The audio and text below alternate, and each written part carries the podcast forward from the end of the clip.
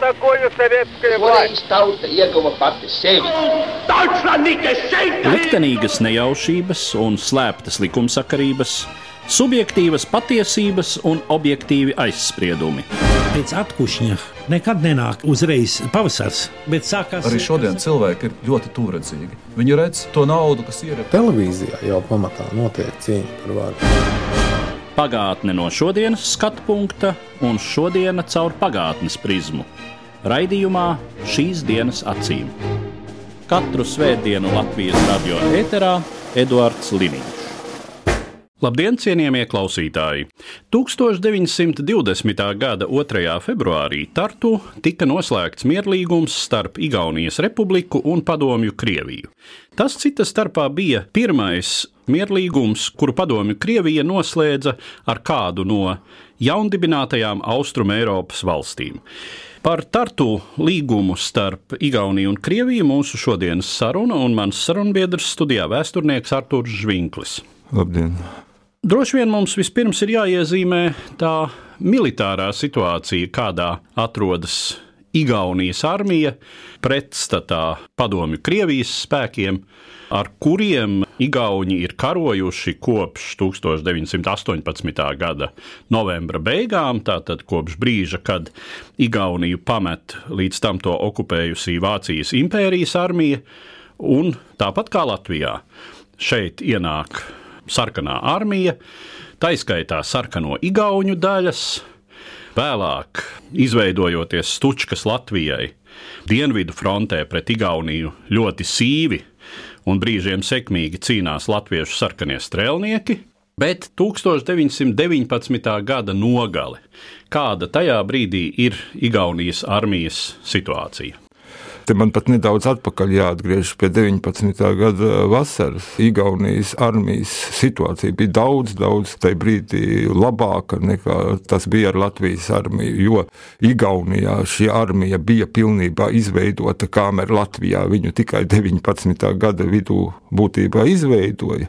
Tieši Igaunijas armija sniedz atbalstu Latvijas brīvības cīņās. Ziemeļa Latvijas armija bija pakļauta Igaunu spēkiem. Un uz 19. gada beigām jau situācija sāka vēl vairāk uzlaboties jauno valstu Latvijas un Igaunijas interesēs. Latvijā, kā mēs zinām, bija sakauts Bermuda karaspēks. Vēl 19. gada 19. novembrī Krievija piedāvā un notiek Latvijas, Igaunijas un padomju Krievijas sarunas un vienošanās par ķīlnieku apmaiņu. Iniciators visā šai procesā bija tieši padomju Krievija, jo Igaunijas militārie spēki bija pietiekami stipri. Arī Latvijas situācija bija pietiekami stabila, izveidojusies, lai varētu pārāk nesteigties ar jautājumu risināšanu, kamēr padomju Krievijai tas bija ļoti aktuāls jautājums. Padomju Krievijā turpinājās pilsoņu karš. Otra lieta - pilnīgi un totāli sagrautā ekonomika. Kara rezultātā un bolševistisko eksperimentu rezultātā pārtiks repartīcijas, respektīvi pārtiks totāla atņemšana zemniekiem, kas radīja masveida neapmierinātību un būtībā tikai vēl vairāk sāsināja pilsoņu karu un radīja pat haosu. Tā kā Krievijas situācija visa tā rezultātā bija ārkārtīgi smaga un padomi Krievijai miers bija vajadzīgs par katru cenu. Aktīva kara darbība tiek pārtraukta jau ar 20. gada janvāra pirmajām dienām. Līdzīga situācija, starp citu, izveidojusies arī padomju frontē ar Latviju. Arī nenotiek aktīva kara darbība. No ar janvāra beigām. Jā, jā, tur ar janvāra beigām, bet Igaunijā ar janvāra sākumu. Bet aktīva kara darbība nenotiek. Latvijas daļā notiek vienīgi diezgan regulāri izlūka reidi, kuru laikā tiek atbruņoti sarkanarmieši, atņemti ložmetēji nakts laikā un tādas lietas. Bet plašākas militāras operācijas nenotiek.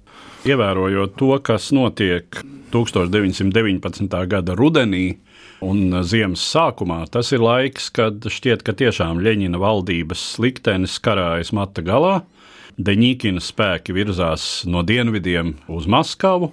Un te jau šķiet, ka Maskava tūdaļ kritīs, jo Ģēniņš uzbrūk Petrogradai. Par to droši vien mums arī būtu vērts parunāt, kādas ir Igaunijas republikas un Juģēņiča attiecības, kā zināms, pret sarkanajiem spēkiem šeit, Krievijas ziemeļrietumos, šie spēki cīnās katrā ziņā koordinēti.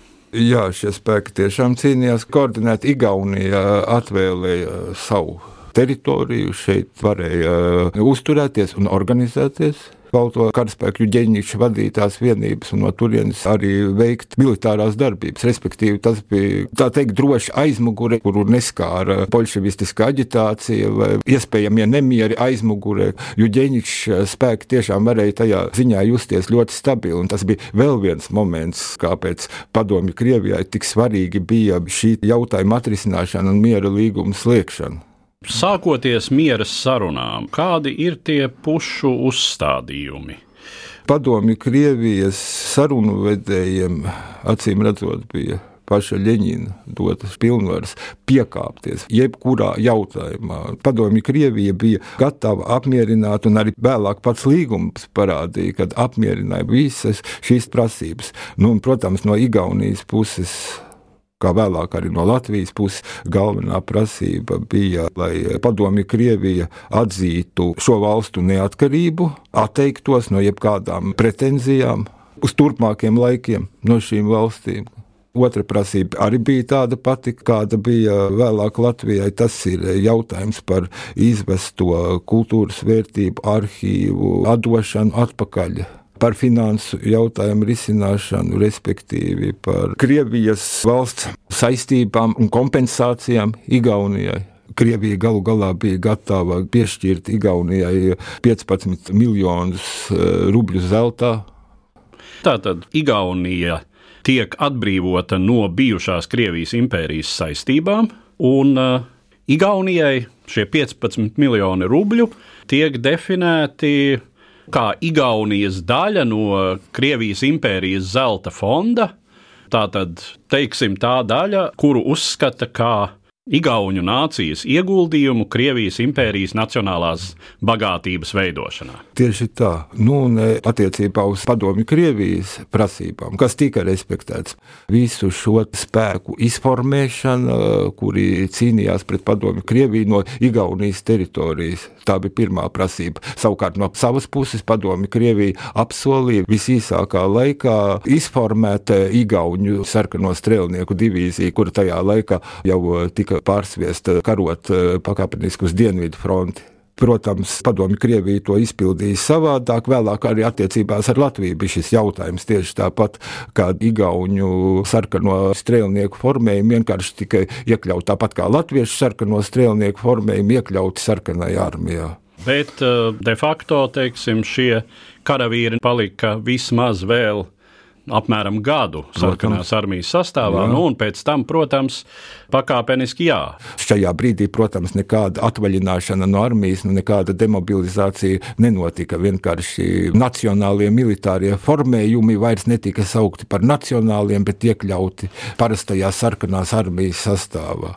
Par robežām tās vēsturiskās kartes, kuras mēs varam atrast, rāda, protams, atkal tāpat kā Latvijas gadījumā, arī Igaunijas austrumu robežas starpkara periodā bija nedaudz citādas nekā šobrīd. Tātad Igaunijai šai mierlīgumā piekrita Narvas upes labais krasts, kur atrodas Ivangoroda pilsētiņa, kas ir pretim Narvai. Krievijas pusē un uh, zināms apgabals vēl uz austrumiem, un arī dienvidu austrumos, tātad Pečoru jeb Petseru apgabals, kas bija Šajā gadījumā jāsaka, jaukti apdzīvots. Atšķirībā no Abrenes, kur latviešu ja bija dažas viensētas, tad šīs teritorijas bija negluži varbūt igauņu, bet dažu mazu somugru tautu un krievu jaukti apdzīvot apgabalu. Jā, mēs nonācām eh, pie šī jautājuma otras puses. Piekāpšanās no padomju Krievijas puses bija neapšaubāma un liela piekāpšanās. Bet ir jāatceras viena lieta, kad jau gatavojot šo līgumu.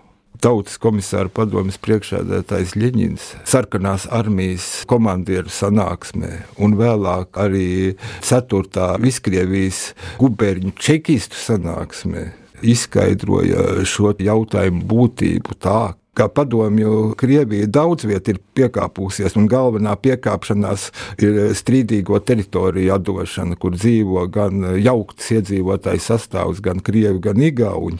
Darām mēs to tāpēc, ka nevēlamies izliet strādnieku un sarkanarmiešu asins zemes gabalu dēļ.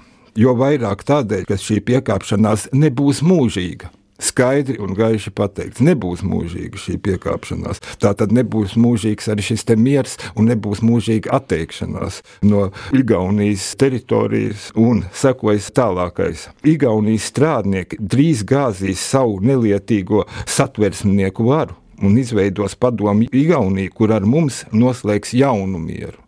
To teica Ļeņins, gatavojot līgumu slēgšanu.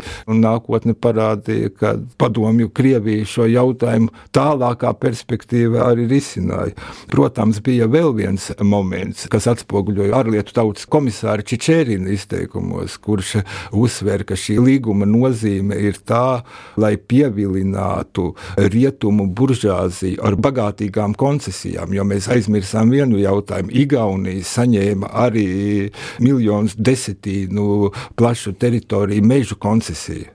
Krievijas federācijas teritorijā. Respektīvi, un, jā, tiesības izcelt tieši tā, tieši tā. Un e, šis signāls tika raidīts tieši rietumu valstu virzienā, norādot, lūk, maziņā Igaunija. Lūk, ko viņa dabū, kad ar mums normalizē attiecības un slēdz mieru. Ko dabūsiet jūs, ja jūs ar mums normalizēsiet attiecības? Mēs esam gatavi jums dot koncesiju, koncesijas. Un, protams, 20. gados vēlāk jau arī šī koncesija politika attīstījās un bija diezgan plaši izvērsta. Bet jāsaka, ir arī vēl viens moments, kad reālo situāciju, ļoti labi saprata ar Igaunu pusi. Tagad mazliet citāds Igauni, kā vērtēja šo mieru un attiecības ar padomi Krieviju. Laikraksta Pāvelehta redakcijas raksts ar nosaukumu Augstais miers, jau pats nosaukums vien liecina. Un rakstā tika pausts, mums nav darīšana ar parastu pretinieku. Mums arī nebija parasta kara Mēs eh, nesakojām vispār pieņemtajām kara vešanas paražām. Tāpēc arī nevaram iedomāties, ka mums būs darīšana ar to, ko parasti uzskata par mieru. Ienaidniekam neizdevās mūs salauzt ar ieroču spēku, viņš to mēģinās izdarīt mierīgā ceļā. Runājot par šo mierīgo ceļu, šobrīd neskatoties tik tālā perspektīvā, kā 1940. gads, ko Leņņņins, protams, vairs nepiedzīvo, un vairums Leņņņina līdzgaitnieku vairs nepiedzīvo.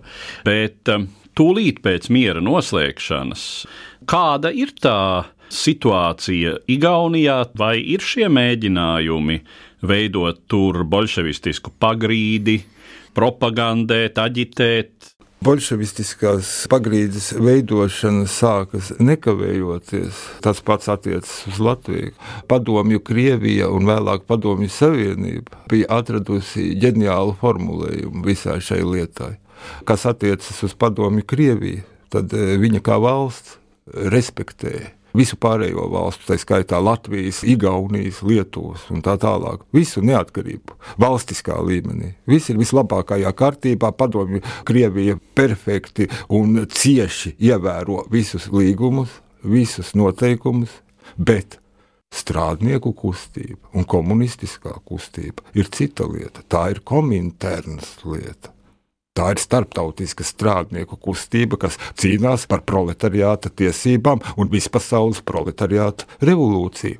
Padomi Krievija kā valsts, un vēlāk PSRS, kas uztur normālas diplomātiskās attiecības, starptautiskā arēnā cīnās par mieru, cīnās pret eh, jebkāda veida kara izmantošanu kā starptautisko jautājumu risināšanas līdzekli, bet kas attiecas uz komunistisko un strādnieku kustību, tā ir pilnīgi cita lieta. Nu, strādnieki cīnās par savām tiesībām. Nu, vienkārši padomju Krievijā un padomju Savienībā Kominterna ir atradusi savu mājokli, šeit padomju valdība viņiem to ir devusi. Valsts politika tiek šādā veidā šķirta no nelegālās, graujošās komunistiskās darbības perfekta definīcija bija atrasta un perfekts paņēmiens, kā ikvienā šādā situācijā rīkojās gan Padomju Krievija, gan vēlāk Padomju Savienība visu savus pastāvēšanas gadus.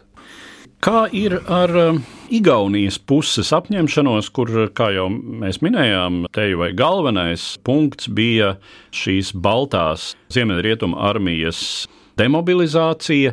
Kāds ir šo balto krievu Juģēņiča bijušo karotāju liktenis Igaunijā?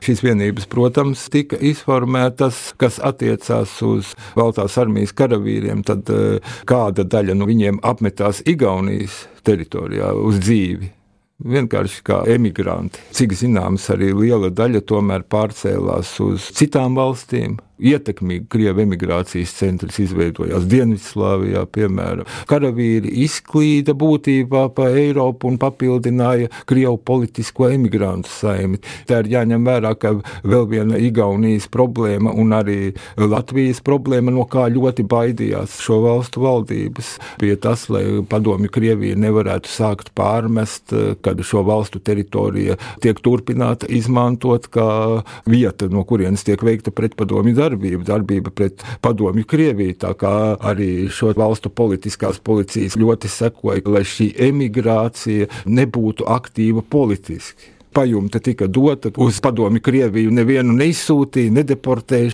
bet centās gādāt par to, lai nebūtu šīs politiskās darbības, ko pēc tam varētu pārmest. Kā ir ar iedzīvotājiem šais pierobežas apgabalos, kuri tobrīd nonāk Igaunijas sastāvā? Kā zināms, tur ir diezgan ievērojama daļa krievu iedzīvotāju. Tas mums, starp citu, ir interesanti arī kontekstā ar situāciju Latvijai. Pēc 1920. gada augusta pievienotā Abrenes apgabala sakarā viņu noskaņojums, viņu attieksme pret to, ka viņi nonāk citas, nu tā tad nekrievu valsts teritorijā. Un Igaunijas valdības politika attieksmē pret šo krievu minoritāti politika katrā ziņā vismaz toreiz nebija vērsta ne Latvijā, ne arī Igaunijā. Uz pārigauniskošanu vai pārlatviskošanu šeit, Latvijā. Gan Latvijā, gan Igaunijā bija diezgan eh, liberāla valodu politika vismaz līdz 34. gada apvērsumiem. Viņas bija ļoti liberāli šīs politikas, kad pat vietējās iestādēs bija atļauta kaut vai krievu un vācu valodas lietošana, piemēram, vai krievu tautības iedzīvotāji Igaunijā izjūta, ka mēs lūk bijām valdošā tauta, tagad vairs neesam. Tas ir tāds neviennozīmīgs jautājums. Šajās teritorijās, gan eh, Igaunijā, gan Latvijā, dzīvoja pamatā vienkārši cilvēki, vienkārši zemnieki. Viņiem šis jautājums nekad nebija primārs. Viņi bija zemnieki gan eh, cariskās Krievijas sastāvā, gan eh, bija un palika zemnieki pie jaunās varas. Tādā izpratnē, ka, nu, lūk, vakar mēs bijām kungi, kungi viņi nebija nekad, viņi bija zemnieki. Viņiem šis jautājums tādā veidā, vismaz manuprāt, nebija aktuāls. Te vēl jāpiemina, ka lielākoties šie iedzīvotāji bija krietni pareizticīgie un skatījās, kas notiek ar pareizticību otrpus robežai ar padomi Krieviju kur notiek baznīcu postīšana, kur notiek garīdznieku apcietināšana, sūtīšana uz nometnēm un šaušana reizēm. Un uh, katrā ziņā šis arguments, ka šeit viņi varēja palikt savā ticībā, varēja to normāli turpināt. Pečoru klosteris, kā liels pareizticības centrs, turpināja visnotaļ savu darbību. Tā, kas ka... attiecas uz pareizticību un Igauniju, tad eh, šeit jau jāsaka, ka pats Konstantīns Pēc, prezidents, bija pareizticīgais. Šī arī Igaunija pareizticība, tā kā šis aspekts vispār bija ļoti pozitīvi uztvert. Plus tomēr nāca šī informācija, var godīgi teikt, diezgan objektīva par situāciju padomju Krievijā, kas notiek tur citās sfērās, kas notiek ar tiem pašiem zemniekiem ar šīm jau minētām pārtikas repartīcijām, šīm pārtikas atņemšanām, ka tur šī situācija ir gaužām slikta salīdzinot ar situāciju Igaunijā, ka vispār šīs situācijas nevarēja salīdzināt. Ziņas tomēr arī atnāca līdz cilvēkiem, arī līdz šiem zemniekiem šādā vai tādā veidā. Viņi tomēr zināja apmēram to, kas notiek tajā pusē robežai, un saprata, ka viņi ir daudzreiz labākā situācijā nekā viņu tautieši otrā pusē, padomi Krievijā.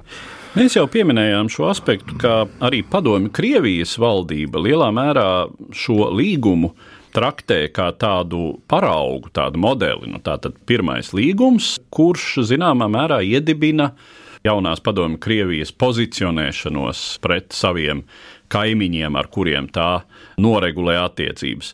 Cik lielā mērā šis līgums tiešām ietekmēja turpmākos mierlīgumus, kas tiek slēgti pēc dažiem mēnešiem ar Lietuvu, pēc tam ar Latviju, galu galā pēc gan vēl pamatīgas karošanas arī ar Poliju kas attiecas uz līgumiem ar Baltijas valstīm, šie līgumi ir ārkārtīgi līdzīgi. Ar Poliju arī. Ar Poliju tā ir Rietumu Ukrainas, Rietumu Baltkrievijas, plašu teritoriju atdošana Polijas valstī. Protams, ir viens cits moments maza piebilde par to, ka šis padomju poļu karš, šis padomju poļu konflikts bija radījis apusēju, dziļu un nepārējošu ienaidu Kamēr šāda ienaida nebija, piemēram, Latvijas un Padomju Krievijas vai Padomju Krievijas un Igaunijas attiecībās, šeit šāda momenta nebija. Kaut karods bija. Kaut un... karods bija, bet pirmkārt šie kari bija īslaicīgi. Salīdzinoši netika asiņaini, netika asiņaini. Šīs attiecības veidoja tas, ka ļoti perfekti strādāja padomju propaganda, kas izpaudās šajos līgumos. Šī pozicionēšanās kā miermīlīga valsts kas lūk, gatavi piekāpties saviem mazākajiem kaimiņiem un nākt pretī visos jautājumos, kur vien var. Tieši tāds tvērums arī sāka pakāpeniski dominēt. Viņš ieguva tādu diezgan plašu izplatību, kad padomju Krieviju, padomju Savienību, es te runāšu par Latviju, bet līdzīgi ar Igaunijā, Lietuvā vēl vairāk padomju Krieviju un padomju Savienību uztvēra diezgan pozitīvi 20. un 30. gados. Ja mēs runājam par Latviju, tad daudz negatīvāk attieksme bija pret Vāciju nekā pret padomju Krieviju. Šajā gadījumā jārunā par inteliģences attieksmi, jo veidojās šī kultūras tuvināšanās biedrība ar SPRS tautām. Protams, viņa bija inspirēta no turienes, tas ir cits jautājums, bet šī valdošā attieksme nebija asi negatīva. Un Ulmanim, piemēram, izdevās vismaz centās iestāstīt, kad viņš bija izteicis bažas, vai e, cīņa pret komunistiem no Padomju Savienības puses netiks uztverta par nedraudzīgu rīcību pret Padomju Savienību. Tad viņam tieši izskaidroja to, ko mēs jau iepriekš runājām, ka tā ir pašas Latvijas iekšējā lieta, kā viņi izturas pret saviem komunistiem. Protams, Padomju Savienība priecātos, ja viņi izturētos draudzīgāk un nebāztu viņus cietumā, nu, bet tā ir Latvijas iekšējā lieta, jo tā ir kominterna, tā ir Latvijas lieta, un Padomju Savienību tas nekādā veidā neskar kā valstu, ka Padomju valsts to neuzskata par politiku, kas vērsta pret Padomju valsti. Protams, vēlāk tas tika pagriezts savādāk, atkal, kad pienāca laiks. Jā, tieši tā. Bet tajā brīdī, kad tiek noslēgts startu mierlīgums, tātad tas ir 1920. gada 2. februāris, atgādināsim, kāda ir Latvijas valdības reakcija, jo Latvija tobrīd vēl atrodas kara situācijā ar padomi Krieviju. Tikko ir beigusies Latvijas atbrīvošana, šī fronte ir tikko, tikko nostiprinājusies apmēram pie latviešu etniskās robežas. Vai tas tika uztverts drīzāk pozitīvi, ievērojot, ka jau notika pamieru sarunas arī starp Padomu Krieviju un Latviju, vai tomēr, nu, kā zinām, problēma, ka tagad Padomu Savienībai potenciāli atbrīvojas resursi citām frontēm, tā skaitā varbūt arī pret Latviju un tam līdzīgi. Cik es tā esmu šo jautājumu palūkojies, manuprāt, tas tika uztverts drīzāk pozitīvi, jo šīs sarunas jau arī ar Latviju bija sākušās. Latvijas pusē būtībā nebija viedokļu, ka ar Igauniju līgums noslēgts tāpēc, lai tagad eh, bruktu virsū Latvijai. Latvijā kā topošā demokrātiskā valstī gan bija dažādi viedokļi. Tas ir cits jautājums, kad nacionālie spēki, protams, ar milzīgu piesardzību skatījās uz šīm lietām, ar milzīgu piesardzību. Bet savukārt politiski vadošie sociāldemokrātiskie spēki, jo mēs zinām, ka visietekmīgākā Latvijas politiskā partija bija Latvijas sociāldemokrātiskā strādnieku partija. Uz to skatījās ārkārtīgi pozitīvi ka beidzot šis jautājums tiks atrisināts un beidzot būs miers un varēs ķerties pie valsts atjaunošanas, reāls pie tautsēmniecības atjaunošanas. Man gan šķiet interesants ir jautājums par to, kāds bija padomu Krievijā esošo latviešu lielinieku viedoklis par šiem jautājumiem. Tas ir mazliet plašākas analīzes vērts, jo viņus gan lielā mērā sarūktināja tas, ka atgriešanās Latvijā tiek atlikta uz ilgu un nenoteiktu laiku. Jāņem vērā vēl viens moments, kad šie latviešu lielnieki bija tajā brīdī ļoti ietekmīgi padomi Krievijā. Un tāpēc jau daļēji ir arī jāatgriež pie tā, kā Leņķins visus šos neapmierinātos un sarūktinātos šajā brīdī arī nomierināja, ka tas nav uz ilgu laiku, ka tas ir tikai pašlaik. Mēs esam spiesti to darīt, bet pēc tam jau jautājums tiks atrisināts. Kā zināms, patiešām tajā brīdī slēgtais līgums, tādā veidā, kā tas tika slēgts un sākumā pastāvēja, nebija uz mūžīgiem laikiem. Nu, vismaz tajā nozīmē, ka pašreizējā Krievijas federācija, tās oficiālā ārpolitika, neatzīst ne Tartu mierlīgumu, ne pēc tam slēgto Rīgas līgumu ar Latviju par eh, joprojām spēkā esošiem. Jā, Igaunija, protams, uzskata, ka šis līgums ir spēkā. Te nav runa par to, kas spēkā ir no līguma. Šis punkts, tas punkts, tas punkts, cits punkts nav spēkā. No tā izriet eh, teritoriālo jautājumu risinājums. Igaunijai, protams, robežu līgumi nav eh, ratificēti un nav spēkā. Latvija paspēja to izdarīt. Kad Latvija atzīmēs šo līgumu simtgadi, mēs nevarēsim spriest, ka šis līgums ir uz mūžīgiem laikiem. Latvija ir atzinusi jaunu līgumu, jaunas robežas, respektīvi Latvija slēdzot šo līgumu atkāpusies no šīs pozīcijas, kuru var pārstāvēt šodien Igaunija. Latvija to pārstāvēt šajā gadījumā nevarēs. Mēs nevarēsim teikt, ka mums šis līgums ir mūžīgs un, un, un spēkā esošs. Latvija to ir atzinusi, ka viņš nav spēkā. Tāds moments ir pārdomu vērts šajā gadījumā, jo līguma skata kopumā. Ar visām teritorijas jautājumiem un visu pārējo. Runāja par līgumu, nevis līguma šo pantu, tas spēkā, līguma šis pants, tad ir jātaisa šīs klauzulas. Šeit nav runa par kaut kādām klauzulām un iebildēm. Līguma pirmais pants, kas nosaka mūžīgu atteikšanos, ir spēkā. Līguma tas pants, kur teritorija noteikti robeža noteikta. Tas nav spēkā. Runa ir par līgumu kopumā. Ir viens cits jautājums. Par ko arī der padomāt nākamībā. Krievijā neviens režīms nav mūžīgs, tāpat kā nekur nav mūžīgs. Var um, izveidoties situācija, kad Krievijā kādā brīdī valsts vara paziņos, ka bolševiki ir varas uzurpatori, Visi viņas slēgtie līgumi, visas viņas starptautiskā darbība ir bijusi nelikumīga no sākuma līdz beigām. Un, respektīvi, sākam jaunas sarunas. Krievijā tepat ir sasējusi savas rokas ar to, ka viņa ir eh, sevi deklarējusi kā padomju savienības, respektīvi arī padomju Krievijas mantinieci. Viņa nav norobežojusies un pateikusi, ka mēs atzīstam par nelikumīgu, mēs atzīstam to par varas uzurpāciju, sākam jaunas sarunas par visiem šiem jautājumiem. Tie, protams, ir pārdomvērti jautājumi, lai gan jāsaka, ka arī Igaunijas pozīcija šobrīd, cik man tas ir zināms, ir tāda, ka tie punkti, kas attiecas uz Igaunijas un Padomju Krievijas robežām, 20. gada robežām, no Igaunijas viedokļa vairs nav spēkā. Jā, bet redziet, interpretācijas bieži ir tādas, kad runā par līgumu kopumā. Līgums ir mūžīgs, līgums ir spēkā. Līgums ir viengabalains dokuments. Robežu līgumi, tādi kā ir eh, Latvijai, tie nav ratificēti, nav spēkā uz šo brīdi. Tad eh, runa paceļas par kompensācijām. Rezumējot šo mūsu sarunu par 1920. Eh, gada 2. februāra līgumu starp Padomju Krieviju un Igauniju, tātad būtiskais ir tas, ka Igaunija joprojām uzskata šo līgumu par spēkā esošu, un līdz ar to uzskata to par pamatu Igaunijas valstiskuma nepārtrauktībai, arī padomju okupācijas periodā, un savukārt Krievijas federācija turas pie ieskata, ka šis līgums ir zaudējis savu spēku 1940. gadā, un tā Igaunijas republika, kas izveidojas 1991. gadā kā de facto suverēna valsts, ir jauna valsts.